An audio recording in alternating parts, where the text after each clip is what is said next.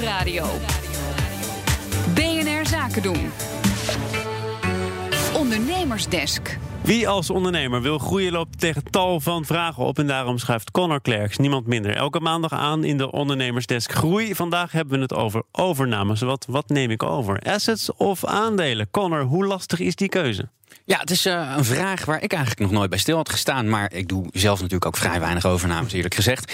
Het is wel een interessante kwestie. Want als je een bedrijf overneemt, de aandelen van het bedrijf, dan koop je eigenlijk de bezittingen, de schulden, maar ook alle rechten en alle verplichtingen.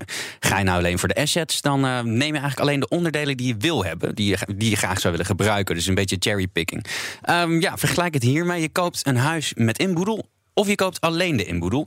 En dan heb je niet het risico dat het dak achteraf lekt. Om even een uh, metafoor van collega Rob Jansen te Die kan het weten, want uh, die koopt wel eens een huis. Maar goed, Ja, inderdaad. terzijde.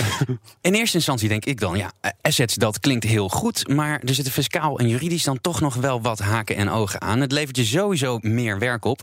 Want als je alleen de assets van een bedrijf overneemt, dan kan het dus zijn dat je bepaalde contracten bijvoorbeeld opnieuw uit moet gaan onderhandelen.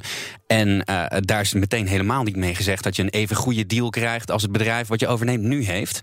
Uh, dus ja, voor's en tegens eigenlijk. Daar moeten we het dan maar eens wat uitgebreider over hebben met Jeroen Valk. Hij is hoofd Merchant Acquisitions bij EY. Welkom.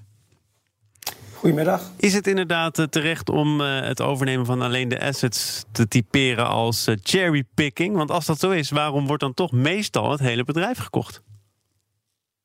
Nou ja, het geeft je de mogelijkheid om een bepaalde keuze te maken. Net wat net gezegd werd. Hè, dat je zegt van ik wil een bepaald deel van de onderneming overnemen. Maar ik zie redenen waarom een bepaald deel uh, mij ook niet aanstaat. En mogelijk omdat er risico's mee samenhangen. Of omdat er een verleden aan kleeft wat ik niet wil overnemen. Uh, wat je in de praktijk vaak ziet, is dat er eigenlijk een reden moet zijn om niet de aandelen te kopen. Uh, en, en die reden kan juridisch zijn, die reden kan fiscaal zijn. Maar is je, je, je basisassumptie of je basishouding is: ik wil het hele bedrijf kopen. En dan neem je dus de aandelen over, omdat dat het meest makkelijk is, ja. het meest clean is om over te nemen. En uh, wanneer kies je eigenlijk wel voor het, voor het overnemen van alleen activa? Nou ja, ik denk als je vanuit juridisch oogpunt uh, bijvoorbeeld te maken hebt met uh, uh, moeilijk te kwantificeren claims uit het verleden. waardoor je zegt van nou doe mij de aandelen of doe mij de, de activa maar. En, en laat ik die oude risico's die ik moeilijk kan pricen, waar ik, waar ik veel onderzoek naar moet doen, laat ik die maar achterlaten. Zou je hier een klinkend voorbeeld van kunnen noemen, Jeroen? Uh, nou, je hebt dat wel eens bij uh, verzekeringsactiviteiten. Dus uh, waarbij je lange termijn contracten hebt, waarbij de actieve, actieve portefeuille een ander type risicoprofiel heeft dan, dan de historie. Neem het, neem het Woekerpolis dossier. Je kunt natuurlijk zeggen, ik heb, ik heb een verzekeringsmaatschappij die, die beide type polissen heeft. En ik koop alleen de actieve portefeuille met de nou ja, de overzichtelijke risico's en, en wat er in het verleden uh, is gebeurd en, en wat aan die boekenpolissen kleeft, dat wil ik graag achterlaten. Kan het wel uh, overigens natuurlijk heel duidelijk zijn dat jij dat wil, hè? dat jij alleen de assets wil, maar dat een verkoper van een bedrijf denkt, ja, het is alles of niets. Hoe kom je dan toch nog tot een vergelijk? Nou ja, uiteindelijk moet dat, uh, moet dat zijn weerslag hebben in de prijs. Dus als de koper zegt ik wil graag iets, dan heb je als verkoper ook de mogelijkheid om daar uh, van te profiteren. Doordat de prijs van het, hetgeen je verkoopt hoger is.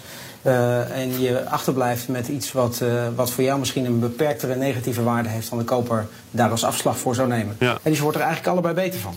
En hoe vaak komt het dan toch ook voor, als we dat gewoon in statistiek proberen te vangen? Komt het vaak voor dat het dus alleen bij de asset blijft? Nou, ik zie het in, uh, in onze praktijk. We doen zo'n zo'n 20 deals denk ik per jaar uh, als, uh, als EY uh, M&A.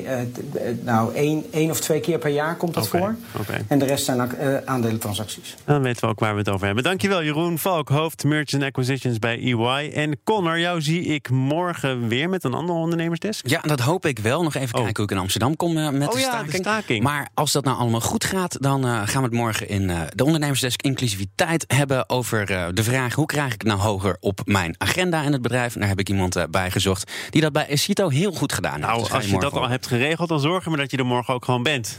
ja, gaan we best doen. Tot dan. Ondernemersdesk over groei wordt mede mogelijk gemaakt door NIBC. NIBC, de bank voor ondernemende mensen.